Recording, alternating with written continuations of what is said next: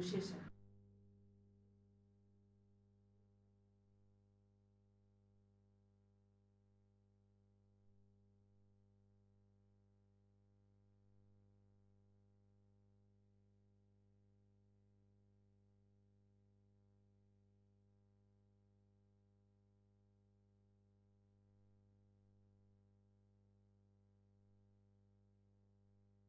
Uxesa. the lights are blinking. I'm thinking it's all over when I go out drinking. Oh, making my mind slow.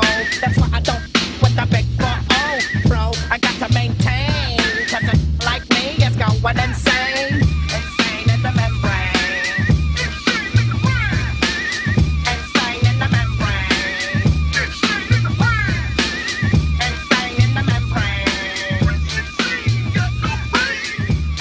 Sendo o Estado o máis grande criador de desigualdades e sendo estas a base estrutural da posterior violencia, apelar ao Estado para nos salvar dela, ou sexa, pensar que o Estado nos vai salvar de si mesmo, é un grande ato de fe.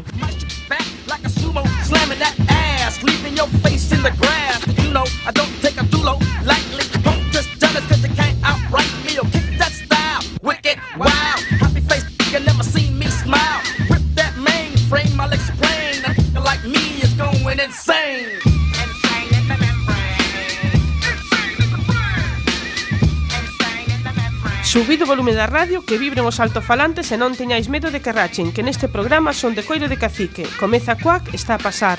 No control de son, Carlos Ríos, presenta María Castelo. Podéis seguirnos en Twitter e Facebook. En Trasancos Ferrolterra tamén nos podeis seguir na frecuencia dos compañeiros de Radio Filispín. Son as 7 horas 2 minutos, hoxe no está a pasar unha historia de violencia. O 25 de novembro é o día en que se quere lembrar a laca da violencia de xénero, xa que esta pode ser esquecida algún día do ano. Mas esta data non nasceu para lembrar un acto de violencia de xénero, curiosamente. O que en realidade aconteceu nesa, nese día foi un acto de terrorismo de Estado. O 25 de novembro de 1960 foran asasinadas en Santo Domingo as tres irmáns Mirabal, Minerva, Patria e María Teresa, así como o seu compañeiro Rufino de la Cruz. Os cuatro eran activistas políticos contra a ditadura de Trujillo e formaban parte do movimento revolucionario 14 de junio. Foron torturados ata a morte pelos homens de Trujillo e depois lanzados no vehículo en que viaxaban para simular un accidente. Posteriormente, en xullo de 1981, no marco do primeiro encontro feminista de Latinoamérica e Caribe, aparece a proposta de declarar o 25 de novembro como Día Internacional da Non Violencia contra a Muller, en memoria das tres mulleres dominicanas, En decembro de 1999, a proposta do goberno dominicano, a Asamblea Xeral da ONU aproba a conmemoración dese día. Asín, este, que nasceu como forma de lutar contra a violencia de cualquier tipo, acabou por representar apenas a luta contra a violencia de xénero.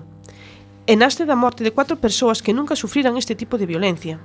As irmás Mirabal non foran asesinadas por seren mulleres, senón por seren activistas políticas, contrarias á ditadura de Trujillo E de non lembrarmos así, estaremos a ser moito insustos con esta cuatro valentes persoas que desafiaran un dos réximes máis exacravis do mundo. Por desgraza, nós hoxe sí que vamos a falar de violencia de xénero, e para isto temos con nós a Yoya Neira do grupo PSDG-PSOE no Concello da Coruña. Boa tarde, Yoya. Hola, buenas tardes. Tiñamos, en principio, eh, axendado que asistiran, ademais de Yoya, a compañeira da Asociación Bela Luz e a compañeira do BNG, mas lamentabelmente ningunha puido asistir a, a última hora. Joya, eh, que é para ti a, a violencia de xénero? Bueno, yo creo que la violencia de género es una de las lacras más importantes a los que nos enfrentamos como, como sociedad. Lo que durante siglos eh, fue una forma de, de, violencia silenciada sobre la mujer, afortunadamente en las últimas décadas dejó ya pues de, de producirse en el ámbito doméstico, en el ámbito de la privacidad, para convertirse en una, en una cuestión de Estado. ¿no? Y es algo que va mucho más allá de lo que deben ser ideologías o de lo que deben ser las siglas de los partidos. Al final es una cuestión de, compromiso el que tenemos que tener todas las personas de bien en este país para acabar bueno, pues con lo que es una sangría constante de mujeres que a diario eh, son asesinadas por sus parejas o por sus exparejas. ¿no?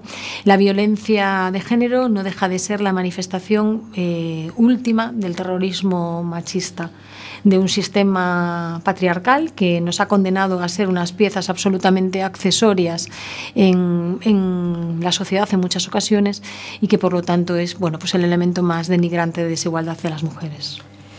E de algún xeito, eh, esa mesma violencia non estará a ser usada polo Estado como, a, como un bumerán, como unha arma de doble gume. Quero dizer, eh, antes estaba eu falando de que o día de hoxe realmente non nasce como, como forma de, com, de conmemora, conmemorar a violencia de xénero en sí, senón como forma de conmemorar a violencia contra a muller, todo tipo de violencia. Eh, este día nasce eh, dun, dun, dun crime político, tres mulleres que son asasinadas, mas non polo, polo fato de ser mulleres, son asasinadas porque eran unhas importantísimas activistas políticas e acaban acaban representando eh, pois a violencia física da parella, da esparella, de algún xeito non estamos infantilizando a muller con, con esta vitimización e non estamos ocultando outras formas de violencia que sí son, son tamén importantes, mas non entrarían na, na categoría de, de violencia de xénero. Bueno, eh, desde el Partido Socialista hay que recordar que la ley de 2004 de medidas integrales contra la violencia de género fue desde luego una apuesta que hizo en su momento el Partido Socialista, pero fue sobre todo la, respuesta que se dio a asociaciones feministas que durante, durante muchos años llevaban eh, levantando la mano diciendo, oye, que mientras se está callando una realidad, se está metiendo dentro de, de los muros de, de, casa, se están matando mujeres. Y es cierto que, que esa realidad aparece en primer lugar vinculada pues, a lo que son los crímenes eh, a manos de, parejas o exparejas. Pero también es verdad que, entendemos que hay varias formas de, violencia contra la mujer por el hecho de ser mujer y cualquier discriminación de la mujer, cualquier forma de violencia, cualquier forma de coartar la libertad de una mujer tiene que estar dentro de lo que es esa lucha de violencia de género.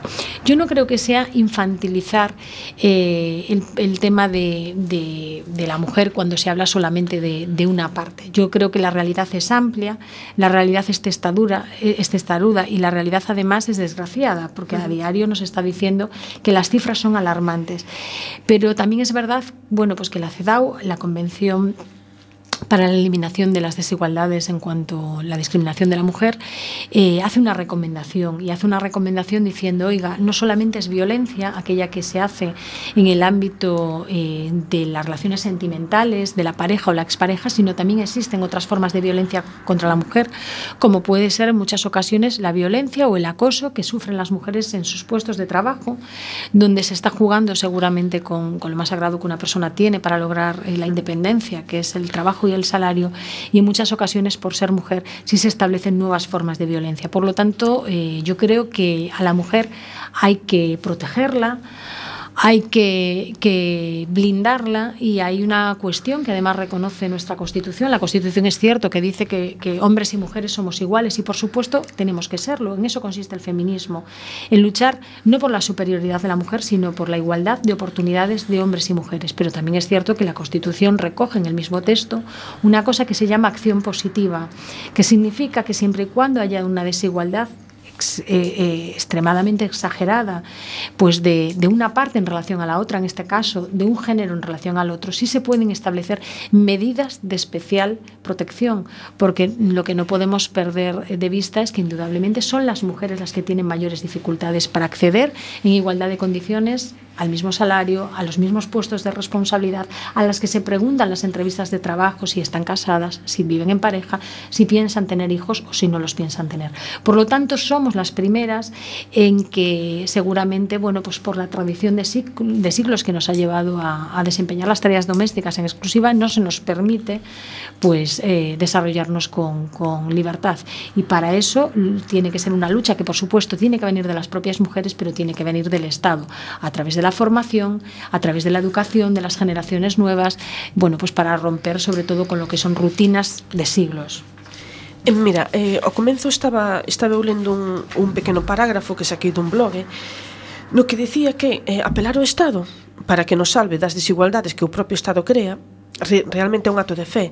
Refírome con isto a que o Estado eh, mantén unhas desigualdades como base mm, do seu sistema económico, porque o, o sistema capitalista non, non sobrevive sin esas desigualdades, o machismo non é máis que un reflexo da dominación home-muller que ao mesmo tempo ten os seus espellos na dominación branco sobre negro, e norte sobre sur, e rico sobre pobre, todo sobre a natureza, etc. Non estaremos de algún xeito traballando para o inglés con eso de apelar continuamente ao Estado. Realmente é o Estado que nos vai o que nos pode salvar desta desta lacra ou teremos que tomar conciencia nós como individuos e como sociedade sin apelar ao Estado Es que yo creo en el Estado. Yo creo en la administración pública y además creo firmemente porque el Estado no es un ente abstracto. Es decir, el Estado se conforma de mayorías que democráticamente se escogen en las urnas. Cuestión distinta es que seguramente tengamos que revisar los procesos de participación de los ciudadanos en esas decisiones que se toman pues en los parlamentos, en los autonómicos, en los estatales, donde salen las disposiciones legislativas y también en los ámbitos más cercanos, como son los ayuntamientos y el ámbito local. Pero yo creo, por supuesto, en el Estado. Y creo que en determinadas ocasiones se hacen leyes que son consecuencia de demandas sociales y en otras ocasiones es el Estado o son los partidos políticos que en un determinado momento son los que gobiernan las, las instituciones las que van un paso por delante. Cuando sucedió eh, la ley de matrimonio igualitario, fue una ley que seguramente fue un paso por delante en relación a la demanda social, no de las asociaciones eh, de homosexuales, de gays y lesbianas que ya estaban solicitando un reconocimiento simple de sus derechos, sino eh, para el resto de la sociedad. Y en ese caso yo creo que el Estado, que la Administración, que quienes ocupamos en un determinado momento cargos de responsabilidad política y pública, eh, por supuesto que tenemos que ser eh, depositarios de las demandas que nos hacen los ciudadanos, pero yo creo que también tenemos la responsabilidad en determinados momentos de ir cambiando determinadas mentalidades. Y las mentalidades se cambian de abajo arriba y de arriba abajo. De abajo arriba es fundamental, pero de arriba abajo y cómo se cambia la mentalidad en cuanto a esta ruptura de roles, de dominación, pues efectivamente del el negro sobre el blanco, el norte sobre el sur, todo sobre la naturaleza y el hombre sobre la mujer. Pues yo creo que eh, en varias cuestiones, en el tema de la violencia, en varios elementos.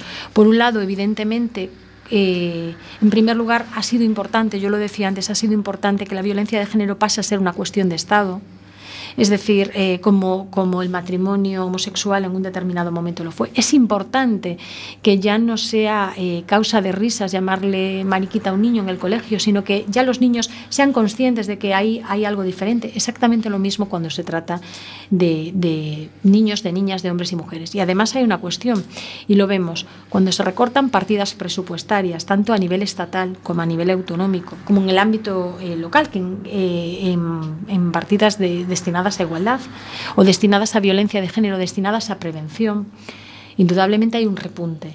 Las estadísticas, los observatorios nos están diciendo que ahora hay un repunte de la violencia de género en adolescentes, que es terrible. Es terrible como hay niñas, adolescentes, que justifican en cierta medida que el quererlas sus novios es que las controlen el teléfono, que les controlen el teléfono, perdón, que les controlen su manera de vestir, el largo de la falda y demás. ¿Y eso cómo se rompe? Se rompe indudablemente con formación, formación, formación. Y la formación tiene que venir, si no es voluntaria en los hogares, tiene que venir desde luego desde las escuelas, donde se tiene que formar a seres libres, hombres y mujeres en pie de igualdad.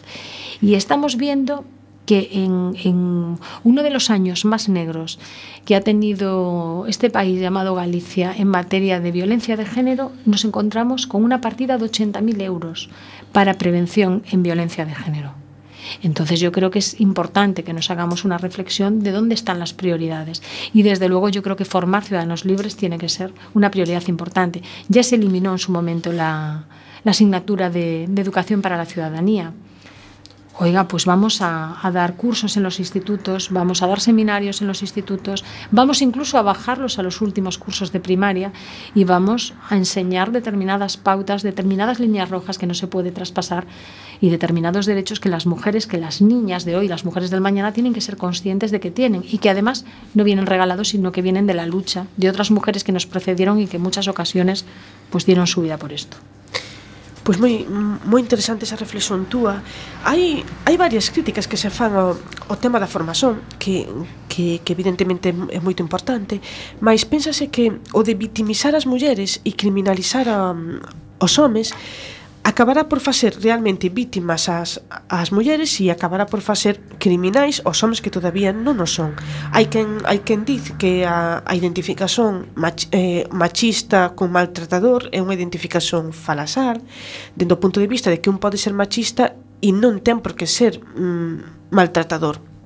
De facto, o, ao longo da historia moitísimas erasóns de, de homes machistas que nunca foron maltratadores. Simplemente herdaron esa cultura que da que falabas tú, tú antes que, que, que viña de, de décadas e que na casa acaba pasando com, como unha herdanza máis. Es, eses homes o que, o que trasladan ás, as súas fillas son certos valores.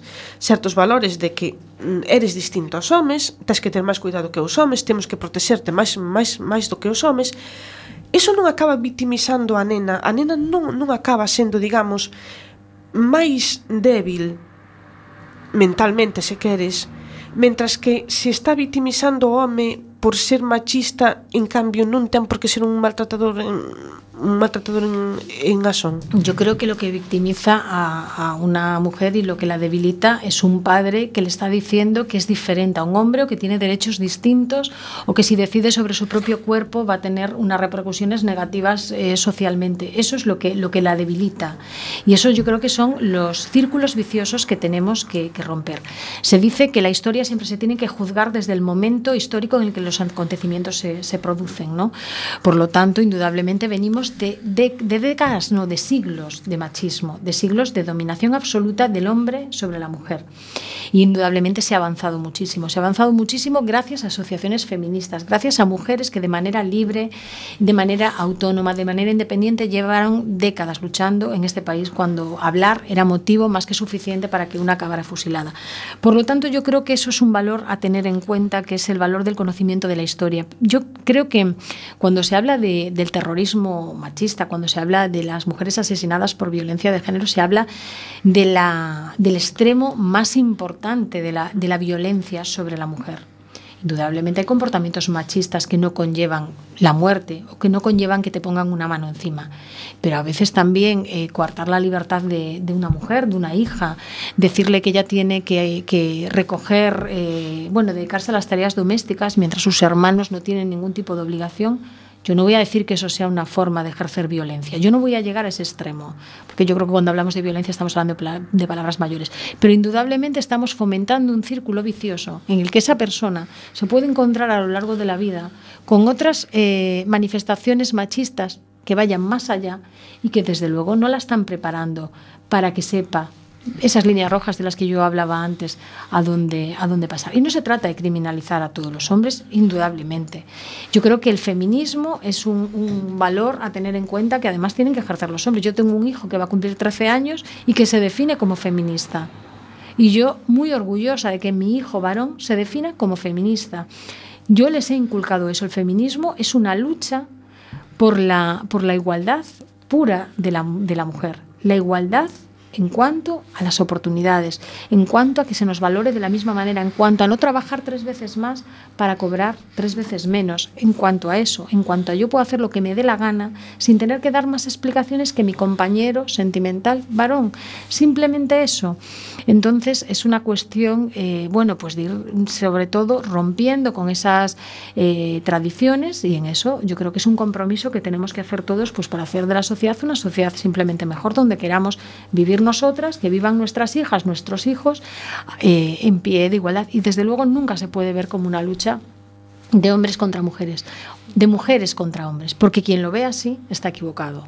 No se llegará a la igualdad real nunca si la mitad considera que la otra mitad son enemigos. El machista sí, los hombres que creen desde luego en la igualdad no. Ese era o noso seguinte punto de crítica. Esa polarización social que se está a facer ca victimización da muller, ca criminalización do home, que eh, produce unha sorte de desencontro social que favorece precisamente a repercusión e eh, de novo o inicio do ciclo cando o que necesitamos é unha cooperación real unha cooperación real para acabar co patriarcado ata agora estábamos falando estuvemos falando sempre en cuestión de homes homes machistas mas non podemos obviar de que non sería posible que o patriarcado se reproducira xeraxón tras xeraxón sen a cooperación silenciosa cúmplese de moitas mulleres, evidentemente. Cando falamos de, de machismo non é algo que atinse só a homes, verdade? Indudablemente no. ¿Cuántas madres machistas han criado a hijos y a hijas que también ejercen esos roles? Seguramente han sido hijas de, madres y padres eh, machistas que vienen pues de una estructura social diferenciada, diferente. Pero afortunadamente a nosotros nos toca vivir esta época y nos toca vivir una época en la que las mujeres salen a la calle y dicen, oiga, yo quiero decidir sobre mi cuerpo y quiero decidir si aborto, si soy madre, si no lo soy, quiero decidir dónde trabajo y quiero decidir eh, sobre los aspectos de mi vida, si quiero tener un compañero sentimental o una compañera sentimental o si no quiero tenerlo. Y lo quiero hacer en pie de igualdad con los hombres. Yo, desde luego, en ningún momento, eh, yo me considero feminista, en ningún momento considero que el feminismo eh, vaya en contra de los hombres, lo vuelvo a repetir, es que sin ellos es imposible, sin la cooperación silenciosa y también a gritos de muchos hombres que salen a la calle para pelear por los derechos de la otra mitad de la población. Es que a mí no se me ocurriría quedarme en casa si mañana a, a, los hombres de este país se le empezaran a limitar sus derechos, porque poco diría de mí. Entonces, hablamos en muchas ocasiones pues de corresponsabilidad en el cuidado de los niños, ¿no? Hablamos en muchas ocasiones de la corresponsabilidad o, o la colaboración en las tareas domésticas. Hablamos de compartir al 50% muchos espacios. Pues hacia eso, hacia la normalización es hacia lo que tenemos que ir. Y eso se hace con educación, educación, educación. Vou a ler un parágrafo que saquei do, do texto Esfuerzo y Cooperación, que dice así. Ante el problema del asesinato de mujeres, muy real y muy grave, el poder constituido, cada día más feminizado, no ofrece otra solución que las de naturaleza policíaca, represiva, adoctrinadora y carcelaria. Eso explica que, tras detener a más de un millón de varones y con casi un decenio de ley de violencia de género, las muertes de mujeres siguen creciendo casi año tras año, asunto que el Ministerio de Igualdad y el gobierno de la derecha pretenden ahora ocultar, al parecer alterando los parámetros que hacen de género a un homicidio de mujer, a fin de empujar a la baja las estadísticas para mostrar que dicha norma legal es efectiva. ¿Qué valoración se merece? Vamos a ver, yo eh, indudablemente creo que la ley eh, pues tiene lagunas, indudablemente, pero también tenemos que pensar que no se cambia el devenir de la historia con una sola ley.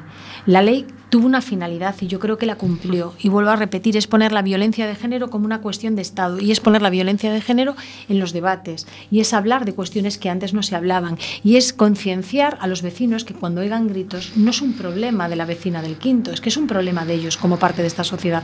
Por lo tanto, creo que es importante. Ahora bien, indudablemente siguen muriendo mujeres. Entonces habrá que hacer un análisis, pero no solamente de la ley, vuelvo a repetir, es que hay que hacer un análisis de cómo se elimina la lacra. Y está en un doble sentido. Eh, seguramente eh, quien ya es un maltratador, yo no soy psicóloga, no me dedico al ámbito penitenciario, ni sé cuál es eh, el porcentaje que se tiene de reinserción y reeducación de este tipo de comportamientos. Por lo tanto, de lo que no sé, no voy a hablar. Pero indudablemente sé que a los niños, si se les va educando en otro tipo de mentalidades, se cambia. No es un cambio que se consiga un año ni en dos, pero sí se puede ver en cuatro, en seis, en ocho años, sí se pueden empezar a ver cambios. Pero vuelvo a decir lo mismo, eso tiene que implicar un compromiso presupuestario que tiene un marcado carácter ideológico con el gobierno de Rajoy, con el gobierno del Partido Popular, con mayoría absoluta. Se hicieron una serie de recortes amparados en esa crisis económica, pero unos recortes que no eran blancos, eran unos recortes que tenían un marcado color y una marcada ideología detrás. Recortes en políticas eh, relativas a, a igualdad de género. Recortes relativos a violencia de género y recortes que hicieron que en muchas ocasiones las mujeres azotadas por la crisis tuvieran que irse a cuidar a sus mayores porque no tenían ayudas a la dependencia, tuvieran que quedarse cuidando a sus niños porque ya no tenían plazas en guarderías públicas, en ludotecas públicas, en servicio de canguros público y por lo tanto eh, mujeres en muchas ocasiones con contratos muy precarios o con contratos parciales, bueno, pues que no tenían esa red económica que les permitiera eh, la conciliación de su vida personal y familiar. Por lo tanto, cada vez que se recortan este tipo de cuestiones, que se recorta en becas, que se recorta en escuelas infantiles, que se recortan ayudas a la dependencia, no tenemos que olvidar que detrás de ello hay una consecuencia, es que las mujeres vuelven otra vez al ámbito doméstico, al ámbito del hogar, al ámbito de, esa, de esas tareas no remuneradas que desde luego las hace menos libres. Porque si hay algo que a una mujer o a un hombre los hace libres, es indudablemente el trabajo y el salario que por él se percibe. Hay otro problema importantísimo con las mujeres víctimas de violencia de género en muchas ocasiones, ¿no? Que es que se hace, ¿qué hago yo con mis niños? ¿A dónde me voy? si yo soy una persona dependiente económicamente. Bueno, pues ahí se habló de los salarios de la libertad, de muchas cuestiones. Pues en eso es en lo que hay que, que, que seguir trabajando, ¿no? Parte, parte da solución, posiblemente, eh, pode pasar porque as tarefas da casa, os cuidados, non sexan cuestión de muller E cando digo cuestión de muller, quero dizer cuestión de algo que non merece un salario.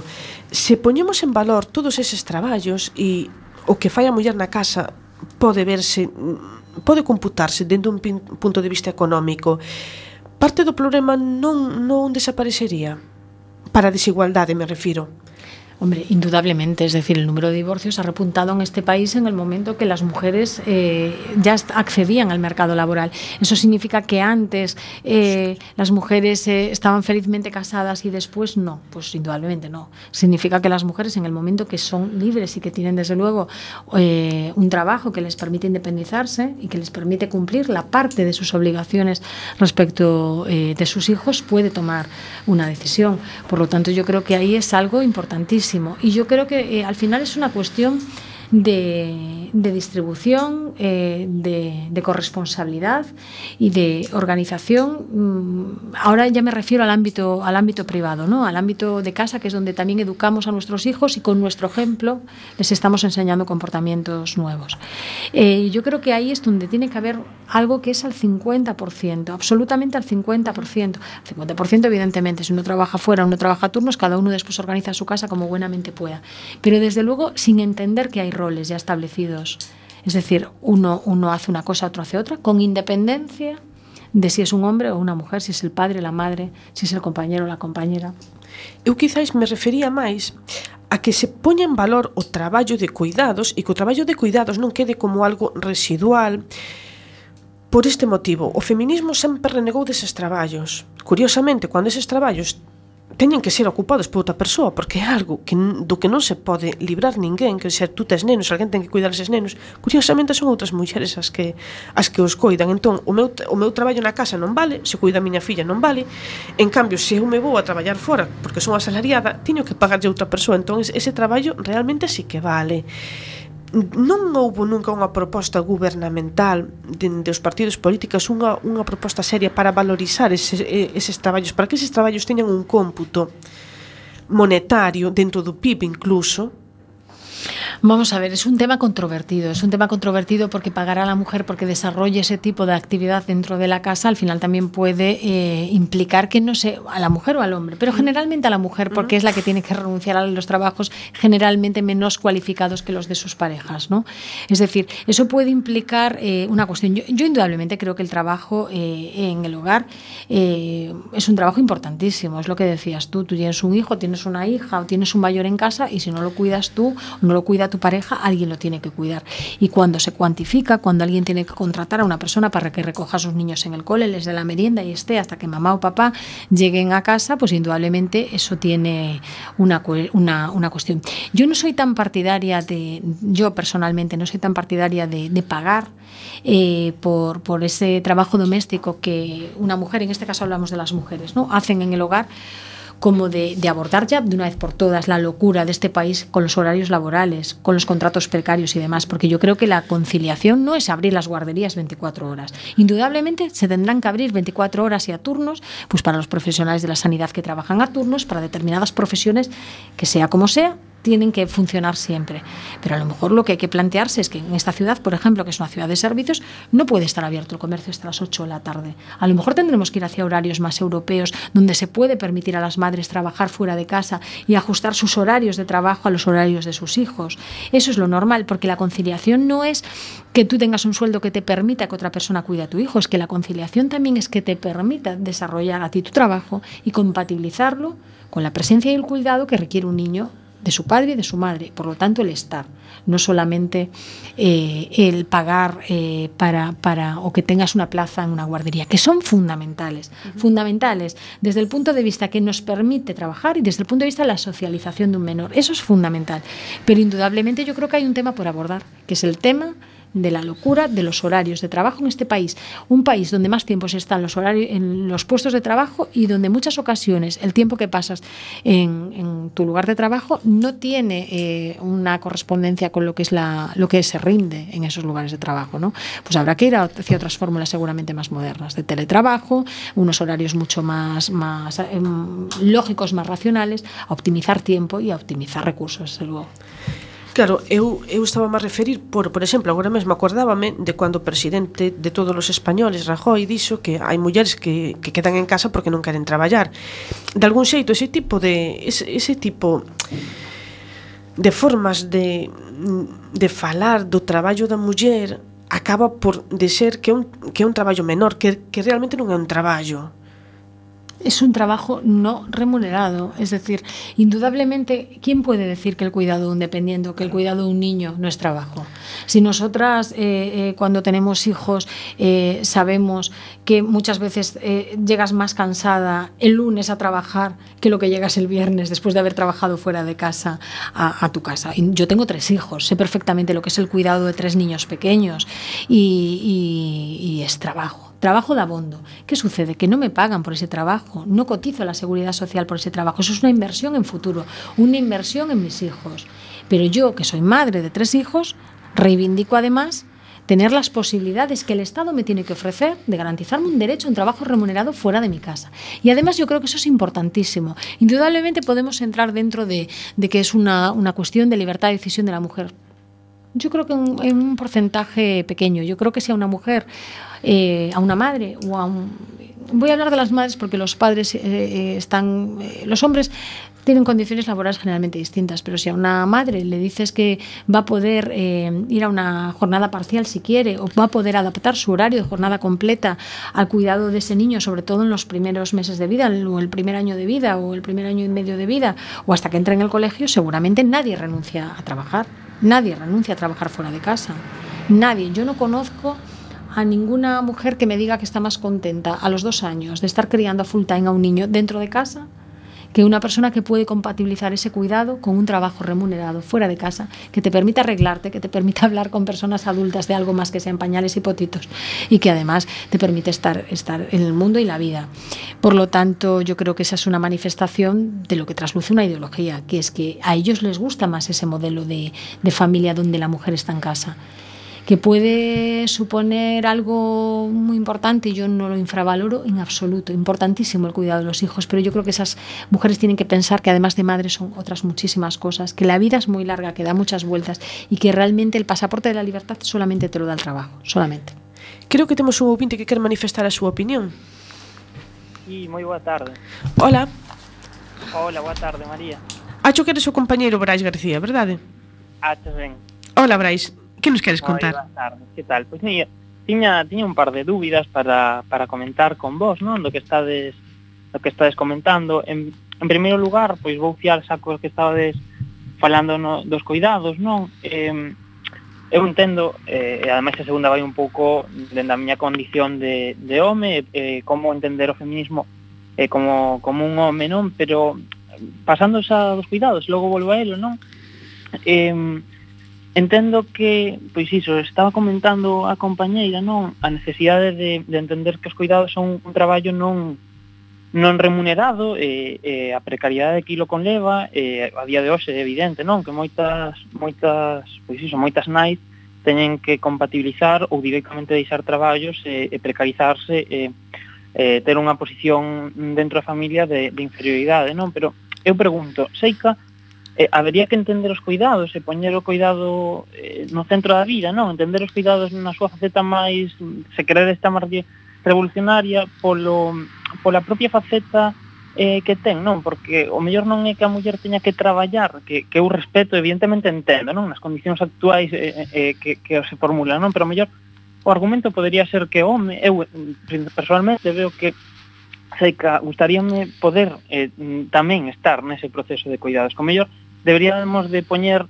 máis eh, no centro os cuidados e non tanto o traballo. Sei que a miña condición eh, pois ideolóxica vai en contra desa idea de traballo remunerado e, e chirría por aí un pouco a cousa, non? Pero non sei, non sei se me expliquei ben que, que considerades disto, como, como pensades? Ya, yo ya. Bueno, eh, yo eh, me voy a poner esto porque así lo escucho. Hola, Bryce. Eh, Hola. Yo, en, el- en relación al tema de, de, mm, remunerar lo- los cuidados, mm, yo es lo que, lo que comentaba. Yo no soy favorable a, a la remuneración de los cuidados. Yo soy favorable al cambio dentro del sistema. Yo soy favorable al cambio dentro de- del sistema, desde luego que permita a la mujer, a la mujer y al hombre compatibilizar. Y luego Claro, soy claro, eh, claro. absolutamente partidaria de algo que va más allá, y es que las mujeres dejemos de sentirnos o dejemos de creernos que somos el eje central de los cuidados, porque los cuidados, cuando somos madres acompañadas de un padre, desde luego tienen que ir al 50% Sí, sí, entre sí, padre y madre.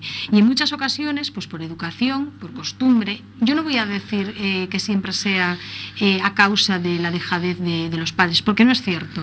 En muchas ocasiones, eh, por, por costumbre, por lo que nos enseñaron o porque consideramos que, bueno, pues que tenemos eh, cierto grado sobre los hijos, asumimos una parte de los cuidados que no es equilibrada. Por lo tanto, yo creo que ahí tenemos que ir hacia, hacia la corresponsabilidad pura y dura en todas sus manifestaciones, desde la más simple hasta, hasta la más importante. Yo hablaba Vale, antes vale. de entrar en el programa de un tema que nos daría para otro, que es el tema del de, del cuidado de los hijos o de las custodias de los hijos en casos de separaciones y Sí. divorcios, ¿no? que es un tema también vinculado pues, a reivindicaciones que se han hecho por parte de asociaciones o de, o de padres y madres. Yo soy una firme defensora de la custodia compartida, firme defensora de la custodia compartida porque creo que es la manifestación más importante de la corresponsabilidad pura y dura. No puedo Claro. declararme feminista, estar peleando por la corresponsabilidad, pero al mismo tiempo decir que en caso de divorcio los niños son míos y que bueno, el padre en todo caso puede venir a verlos un fin de semana cada, cada dos. ¿no? Eh, son cuestiones que yo creo que son de cambio de, de mentalidad y de, de cambios de hábitos, pero yo en ese sentido creo que las mentalidades se van cambiando desde abajo para arriba y desde arriba para abajo cuando se trata de hacer una sociedad más justa. ¿no? Vale, sí, sí, sí, totalmente de acordo, a verdade. E, e bueno, pola outra banda, non? A sí. miña a miña pregunta, pois pois un pouco eh, o papel non que, que un home pode, pode desenvolver no movimento, incluso no activismo feminista, non? Que eu acho que ás veces non é... Eh, a ver como me explico. Eu entendo, non, a, a, a posición eh, que debe ter a muller no movimento feminista como, como eh, protagonista, non?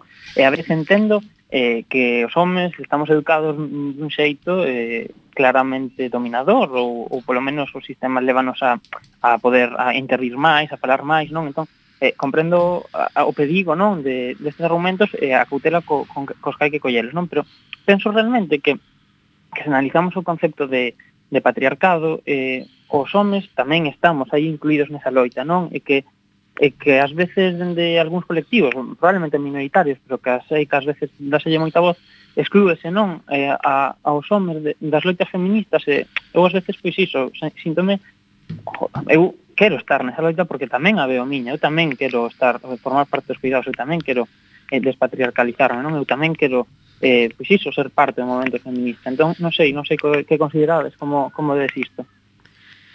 A ver, eh, eh, vou dar a miña opinión que non sei se me corresponde porque son a presentadora e son a moderadora. Eh, eu penso que é fundamental, que eu dizer, eh, que o home este porque é a metade da, da humanidade, é a metade da familia, é a metade da, da proxene e ademais estamos falando sempre dos cuidados como algo moito negativo. Quero dizer, é como ese pacote que ninguén quere e que intentamos pasarnos uns aos outros para min é, é un prazer cuidar. O sea, Para claro. min foi un placer cuidar un pai enfermo, para min é un placer cuidar unha filla, para min será un placer cuidar a, a máis persoas. Non o vexo, realmente non, non o estou vendo como, a, como unha carga. Eso, eso de que se chama, tú tes cargas familiares cando vas ás entrevistas. Non, eu non teño cargas familiares, eu teño familia e teño e teño mm. pais e teño e teño familia política e, e agora teño unha nena e ta... non, non teño cargas familiares. Se, se callar algún familia política si, si que é unha carga, mas porque é pesado, non porque sexa non porque sexa unha unha persoa que en cuidar.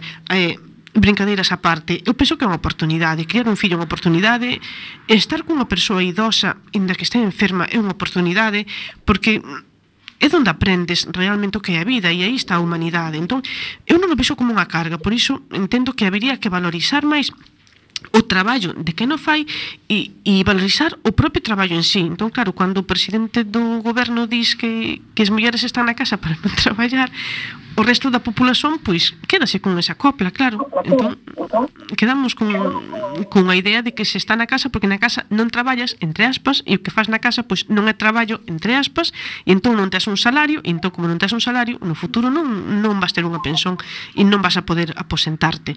Non sei se yo ya bueno, ten... Yo, eh, yo dos cuestiones. En primer lugar ya lo decía antes, no en la entrevista. Yo creo que el movimiento feminista es algo que nos afecta a hombres y mujeres, a la sociedad en su conjunto. Yo no entiendo en absoluto la lucha feminista excluyendo a la mitad de la población, en absoluto.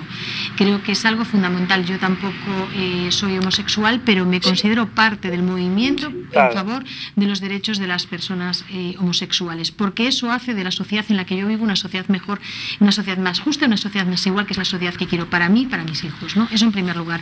Y en segundo lugar, estando totalmente eh, de acuerdo, es decir, los, los hijos no son una carga, los hijos son una responsabilidad maravillosa, trabajosa, trabajosa, porque también a veces nos venden una moto de, de esta parte bucólica de la maternidad, la maternidad también tiene una cara B que es dura, que es llegar a, a- a tu trabajo pues con las, con las ojeras hasta abajo y, y el cuidar a una persona enferma, desde luego que también es una experiencia eh, dura, pero ya no por uno mismo, pues por el sufrimiento que tienes de ver de una persona que se quiere eh, cuando, cuando se está yendo. ¿no? Pero yo también creo que eso es parte de la vida, que el dolor es parte de la vida, que hay que saber convivir con él, que quizás en muchas ocasiones eh, pensamos que la vida son anuncios de San Miguel y de Coca-Cola y que la vida son fiestas, y la vida es la risa rápida y la vida indudablemente pues es el disfrute, pero la vida también forma parte pues estos momentos más difíciles que te van haciendo como persona y que es importante. ¿Qué tiene que hacer el Estado desde mi punto de vista? Yo creo que la ley de dependencia fue una ley maravillosa, que seguramente hubiera sido una ley revolucionaria si se hubiera dotado de presupuesto adecuado y si se hubiera desarrollado por parte de quienes les tocó gobernar después, que fue el Partido Popular, y que hubiera sido una ley tan revolucionaria como en su momento la, fue la, la ley de sanidad universal. Porque esa ley sí permite eh, hacer el cuidado pues, de, de mayores y de dependientes y, y permitir que las mujeres respiren y que las mujeres tengan además pues, su espacio. ¿no?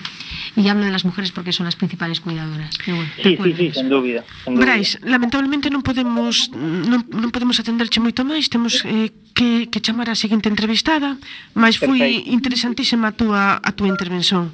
Obrigadísima, sí, Brais. Boa tarde. Boa tarde.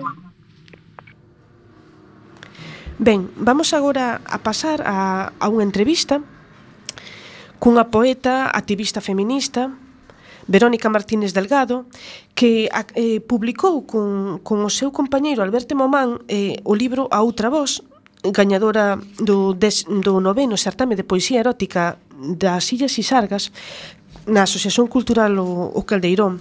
En este libro eh, tratan o, o tema da violencia con, contra a muller focada no, no que é a violencia obstétrica. Mm, tú tes coñecemento da violencia obstétrica? Yo no sé exactamente a que se refieren por violencia obstétrica, o sea, se me lo explicas.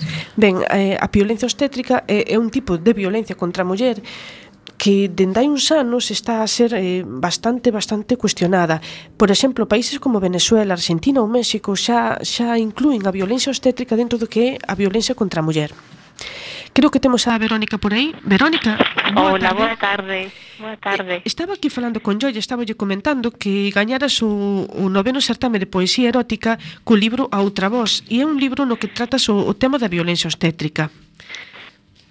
Sí, así foi o, o ano pasado que, que gañei o premio e este ano acaba de sair publicado o libro, parecíame pues, que é un tema a denunciar como tantos outros que está bastante silenciado como case todos os temas que nos ocupan as mulleres e este efectivamente ocupan nos a nos de, de cheo. Na túa opinión este tipo de violencia é máis por machismo do persoal sanitario, se xa home ou, ou muller? Porque agora mesmo xa cousa coincide que a maior parte do personal sanitario obstétrico e ginecolóxico é muller. Ou é máis unha cuestión estrutural de supremacismo dunha categoría profesional, deshumanización do sistema, etcétera? na miña opinión e a miña non, non teño datos ao respecto se cadra había que preguntar de eles e a elas. Eu creo que simplemente eh, por continuar con os protocolos establecidos dende hai un, un montón de tempo sin máis, entón eu son o, o facultativo e teño determinado ou a facultativa teño determinados dereitos sobre a tua persoa. E, e estou vulnerando os teus dereitos como muller, os dereitos do, do, do feto ou do bebé e non se teñen en conta, o sea, eh, temos determinadas persoas agardando fora, temos determinados protocolos nos que non se humaniza a, o trato que se fai e, e non creo que sexa eh, tanto unha cuestión de machismo senón machismo se cadra estructural no que non se teñen en conta as necesidades das mulleres dentro do século eh, XVIII que foi cando se empezou a, pois a que o parto precisamente fora tratado como unha enfermidade e non como un, como un feito máis. Quanto apoiada se sente unha, quer familiar, quer socialmente, cando denuncia outros tipos de violencia que non son apenas a violencia física de parella, que ante iso estamos, supoño que todo o mundo máis ou menos concienciado. Sinceramente creo que non estamos concienciados contra ninguna, ningún tipo de violencia, contra ningún. Acabamos de celebrar o, o 25 de novembro e eu ainda me sigo sorprendendo do descoñecemento enorme que hai sobre a violencia machista. Hai un descoñecemento enorme, enorme na sociedade, ainda se sigue sin entender por que as mulleres aguantan eu creo que para falar de calquera tema teríamos que estudar. Eu eh, eh, se cadra teño que estudar aínda moito máis, non? Pero parece que todos podemos falar de todos os temas. Eu non me atrevo a falar de, de física cuántica e non me atrevo a falar de, de política en, moitas, en moitos casos. Pero deste tema, por eh, fortuna para min, si teño lido moito e teño estudado moito. Hai eso, un, un descoñecemento moi grande e precisamente no, no da violencia ginecolóxica é, é enorme.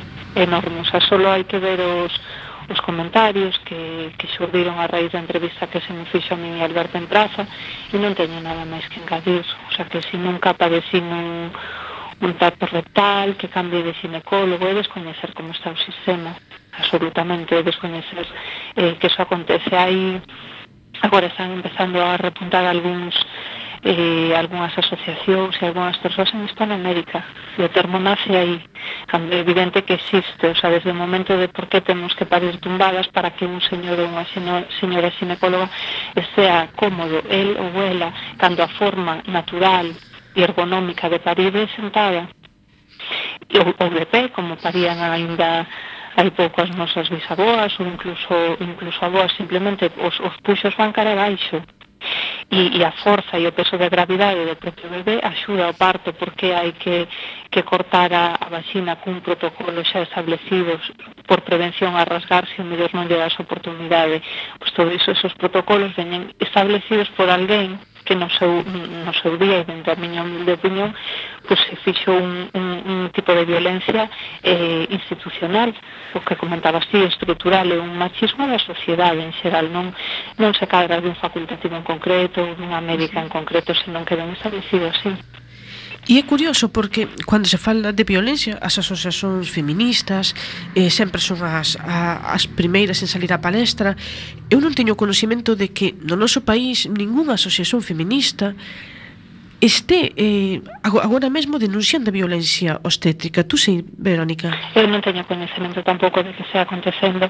Hai persoas que están eh, loitando polos dereitos, por exemplo, as persoas de parto noso están loitando polos dereitos das mulleres, porque se respete o que a muller e o bebé necesitan no parto, pero non previamente, a través da, da violencia xerada xa desde, desde que te quedas eh, grávida, desde o momento da, da gravidez.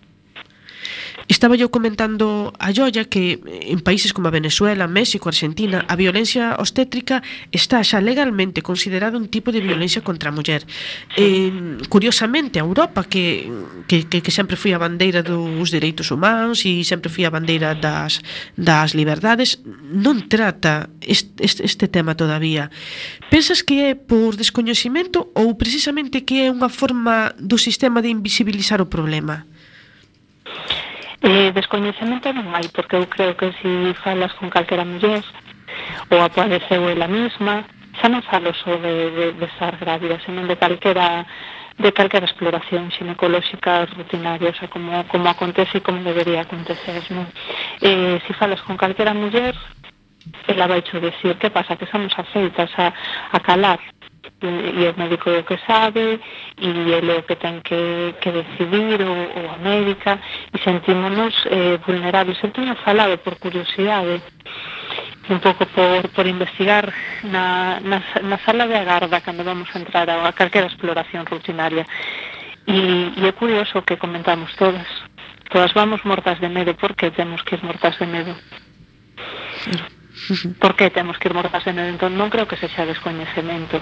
Coñecemento hai o que pasa que se cadra non nos estamos unindo, non se está informando, eu simplemente eh, decidín denunciarlo porque é un tema que está aí, que é necesario, como denunciei nos, nos meus anteriores libros eh, outros temas, por exemplo, a violencia entre, intrafamiliar, o maltrato psicolóxico, o maltrato físico, a crianzas, a mulleres, usa, utiliza poesía, xa que teño a oportunidade enorme de publicar, para denunciar todos estes problemas que nos preocupan socialmente. Uh -huh. eh, pero este xusto é un tema moito máis delicado, polo que comentaba que directamente, directamente afecta a muller, non sei, pois cousas tan normais como que tes un embarazo de risco a tua parella non pode ver a ecografía por si hai algún problema.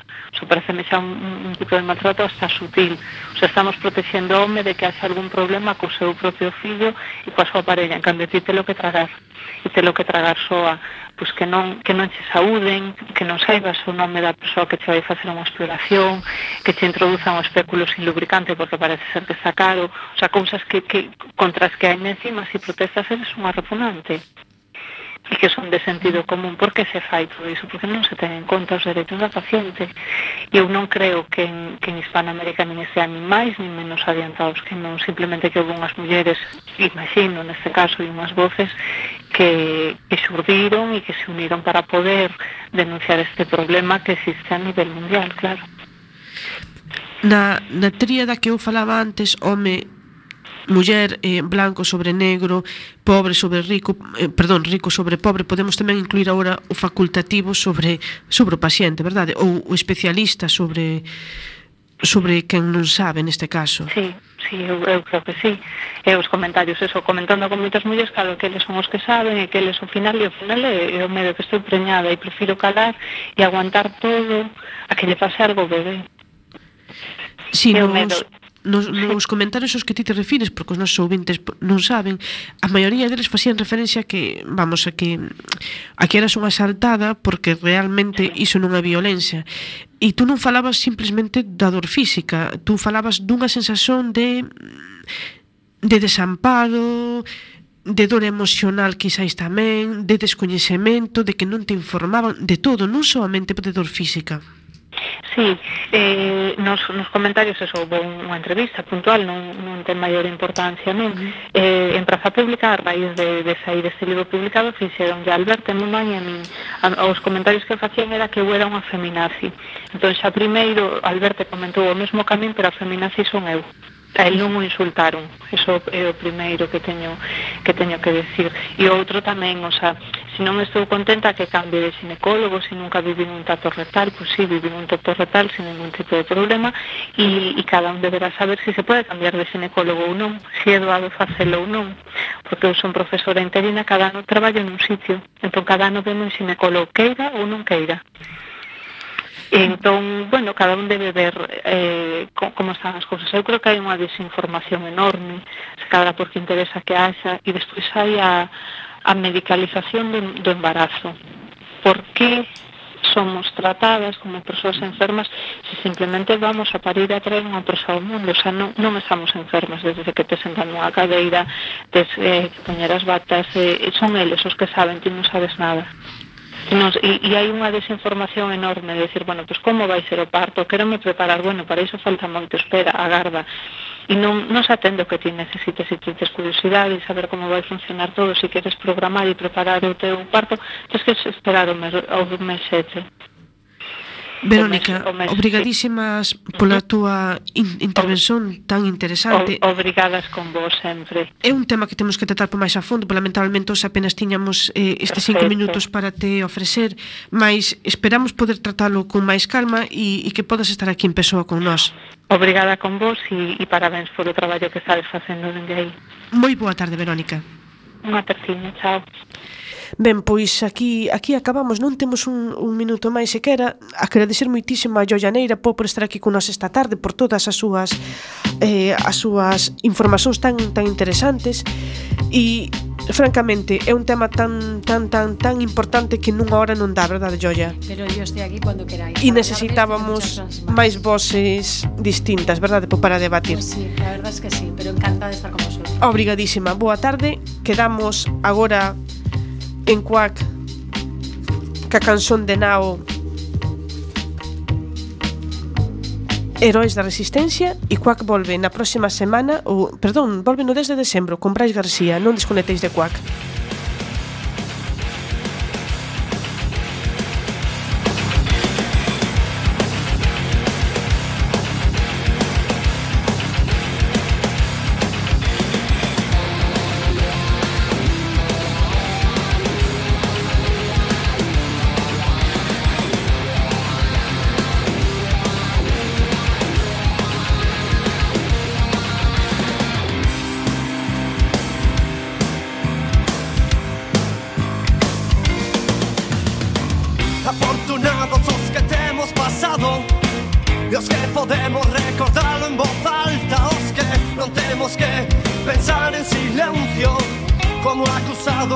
Non lembrar nada.